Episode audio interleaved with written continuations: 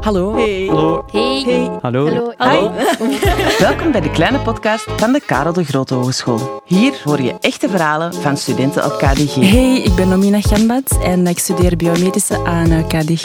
Hallo Chris, ik ben Dina en ik studeer medische laboratoriumtechnologie op KDG Hoboken. En ik ben Samsam en ik studeer ook aan Karel de Grote in Hoboken. Sommigen zijn klasgenoten en goede vrienden. Anderen hebben elkaar net ontmoet, hier in de koffiebar. Ze vertellen elkaar en jou graag wat meer over hun leven als student. Zit er klaar voor?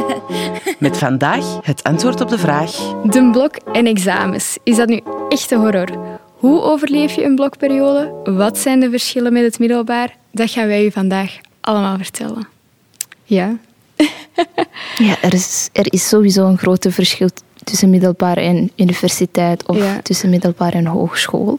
Zeker in hoeveelheid. Ja, dat is echt geen grapje als ze dat zeggen. Inderdaad. Je moet echt al op voorhand beginnen, anders gaat dat echt niet lukken. Ja, Gezien van de hoeveelheid lijkt het mij ook niet ehm, evident om toch allee, altijd op die blok te rekenen. Maar Nee. het dingetje dat ze in het begin altijd zeggen van eh, je moet niet in de blokweek zelf pas, alleen in uw blok zelf Ja, pas dat beginnen, dat is wel echt eh, realiteit.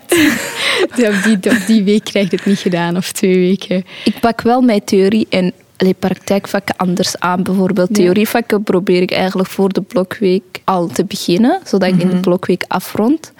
Als het zo komt aan oefeningen, bijvoorbeeld fysica, werk ik gewoon in de blokweek echt door. Zodat ik tegen de examen al Ja, klaar zodat je ben. dat niet vergeet. Ja, Dat is want- waar. of fysica. Dat zijn zo vakken die je moet bijhouden.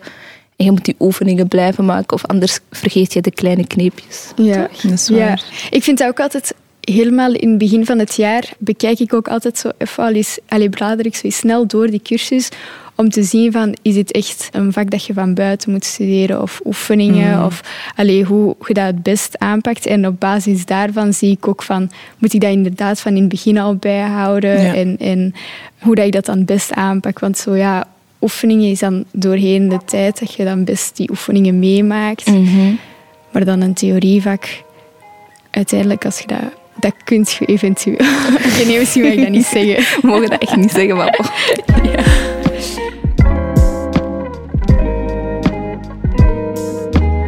Ik studeer wel met vrienden. Allee, vroeger studeerde ik ook af en toe wel eens in een bib of zo. Ik vind thuis studeren wel best moeilijk. Maar dan met vrienden studeren is het inderdaad wel... Je moet wel mensen hebben waarmee je dat kunt. Want dat gaat niet... Met elke vriend. Ik heb vriendinnen met wie, als ik samen studeer, wij praten merendeels Ja. dan studeren. Dus dat hangt ook af met welke vriendin dat je... Maar dat is dan ook wel een goeie van met vrienden op zo'n locatie, omdat Ja. je daar, je zit daar ook zo nog met andere studenten en heel vaak ook zo aparte tafels, dus Ja. dan kun je ook al niet babbelen, maar dan heb je wel nog Mhm. steeds dat, ja, dat je wel samen bent en dat je daarna samen pauze kunt pakken of zo. Ja, Het is wel gezelliger. inderdaad. Maar ik ben het de laatste tijd gewoon gewend geraakt om thuis te studeren en niet meer in een piep. Ik nodig mijn vrienden uit en ik zeg, kom, we gaan gewoon... Ik zit zelf op kot, dus dan zeg ik gewoon, kom over en we studeren gewoon samen tot Ja. laat. En dan gaan ze gewoon rustig terug naar huis. Het heeft zo verschillende voordelen. Hè. Je hebt zo enerzijds die sociale druk van iedereen zit daar in stilte door te werken, dus Ja. ik moet meedoen. En als je zo inderdaad met z'n allen je gsm weglegt of zo, dat is ook van, ja, ik ga die nu niet pakken, want allee, ja, hè, dat, die sociale druk. Maar anderzijds ook van, je zit er met meerdere, je hebt eens een vraag, kun je direct dat aan Ja. persoon en dan kun je dat ook wat makkelijker uitleggen. Goh, op dat vlak, dit schooljaar was dat wel iets gemakkelijker, omdat ik wel zo vrienden had die eh, deze jaar hadden al gevolgd. Dus ik kon wel vragen stellen aan hun of Ja. aan mijn medestudenten. Kon ik al aan hun vragen van, ja, ik zit hier vast, kan je me helpen of kan je me uitleg geven? Allee, dat zou makkelijker zijn, vind ik, voor mij toch zelf. Dat- Dan sta je er toch niet echt alleen voor, vind ik.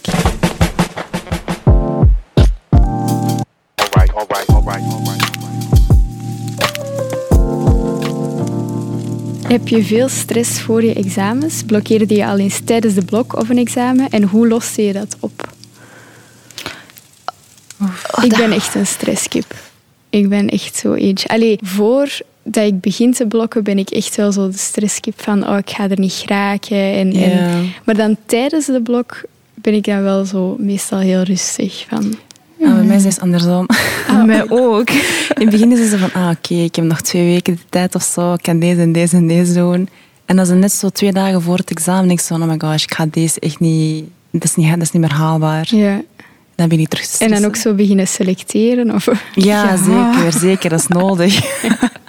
Voor dit examen ga ik. Dit Ja. wordt Je herexamen. moet echt zo prioriteiten beginnen te leggen. Van welk examen kan ik nu wel leggen of niet? Ja. Of wat ik ook zo begin te doen, hoe meer dat ik merk dat ik in tijdsnood raak voor een vak, Ja. begin ik echt zo die cursus te bekijken naar welke vragen zou die kunnen stellen Oh. of, of hoe zou die hierover een vraag kunnen stellen. En zo echt leren van niet meer van ik moet dat van buiten leren, ik moet dat allemaal goed kunnen uitleggen, maar wat zou die hiervan kunnen vragen? En dat is dan zo mijn methode voor als ik zo echt in tijdsnood kom. Van, ja. Bij mij, oh dat hangt echt vanaf. Er zijn vakken dat ik weet van, oh, oh, dat neemt te veel tijd of dat gaat mij niet lukken.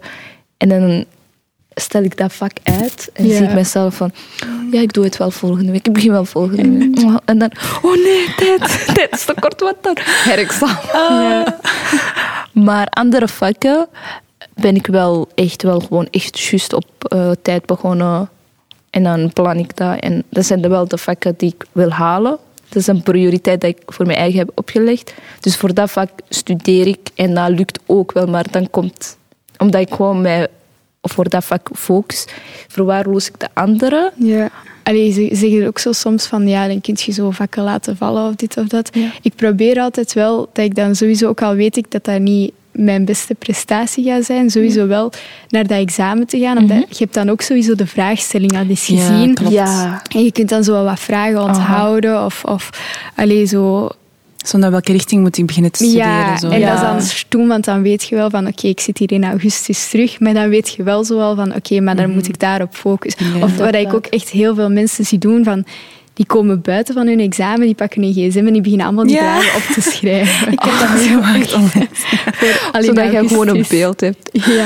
Maar dat is beter. Dan, allee, dan ben Ja. je toch ergens toch al voorbereid. En Ah, wel, je- het is dat. ja. En ik vind het ook zo beter dat je dan daar toch ergens al wat rust in kunt vinden, Ja. dan het misschien te Aha. laten vallen. Allee, ik weet niet. Ja. Wat ik ook wel doe, is naar de inzagemoment gaan. Al Ja. heb ik voor dat vak niet gestudeerd, maar toch gewoon in kijken en zien van...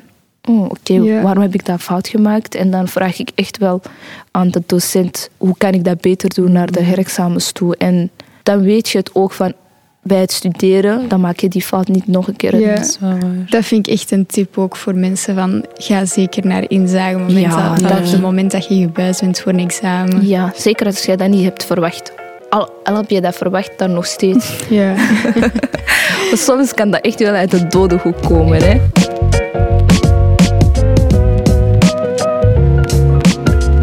Vind gewoon, als het komt aan herexamens, je moet jouw prioriteit echt van begin schooljaar al kunnen zeggen van dit wil ik doen. Voor mij is het het maximum herexamens dat ik wil, twee of drie. Met, Ja, met die twee vakken kan ik me wel veroorloven. Voor de rest, ik ga duizend procent. En dan studeer je ook wel Ja. echt op voorhand en maak je die planning. Ik heb dat dit jaar ook gedaan. Zo. Dus mijn doel was zeg maar vier herexamens max max te hebben. Maar ik ben er toch wel over geraakt. Dus vandaar was dat echt wel zo van... Oh nee, Ja. waar ben ik mee bezig en zo dit en dat. Ik voel me dan precies zo ergens toch wel zo'n faler. Zo. ja.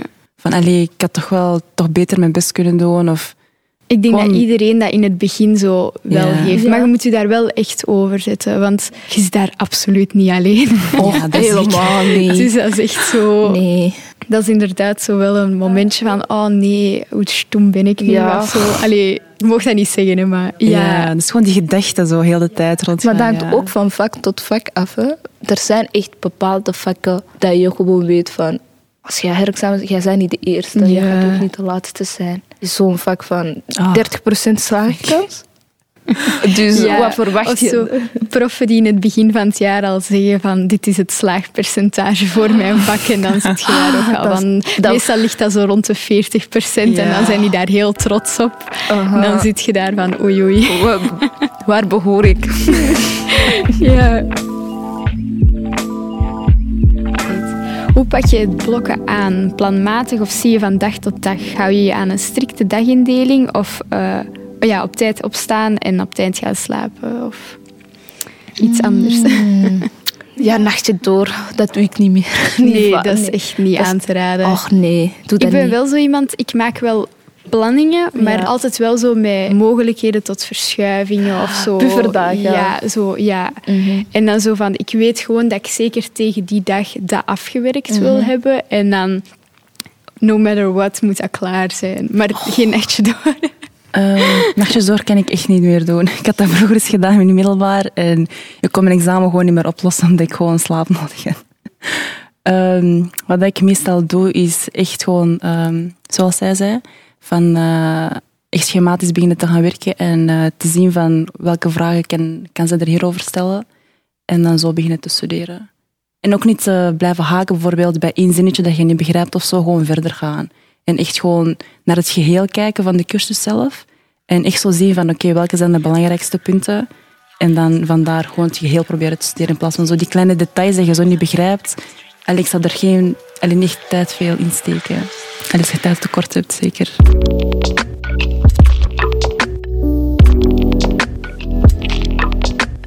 Eh, mijn pauzes duren te lang.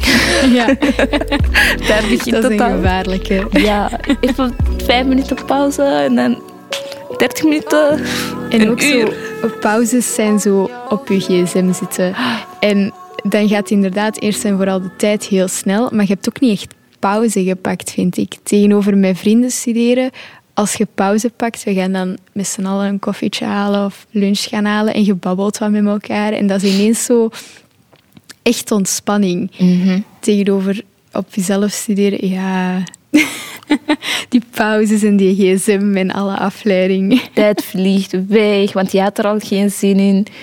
Maar op dat moment, als je een studiebuddy hebt, dan kan het echt wel. Dan, gaat het nooit, dan verlies je jouw dag niet. En Ja. dan kan je het goed maken. Ja, dat is echt wel zo het gevaar van alleen studeren. Van, je neemt eens één keer een pauze en ineens is het avondeten klaar of zo. zo ja.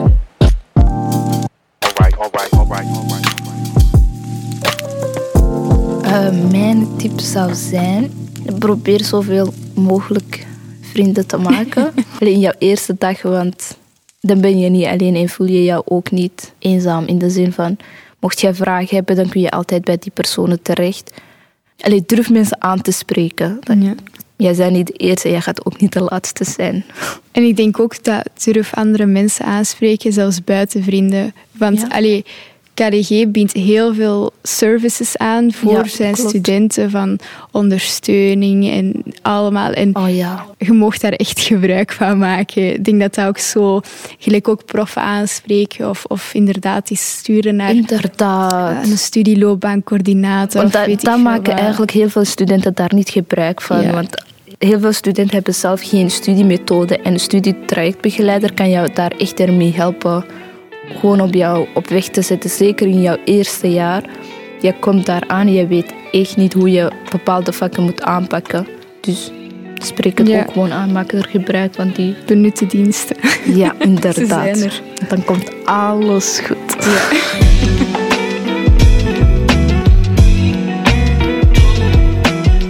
Voilà, hopelijk heb je nu al meer een idee over hoe het is om te studeren. Heb je nog vragen over verder studeren? Check dan zeker onze andere afleveringen. Antwoord daar niet gevonden? Stel je vraag dan in de comments of via de KDG socials. En dan beantwoorden onze studenten ze misschien wel in een volgende podcast.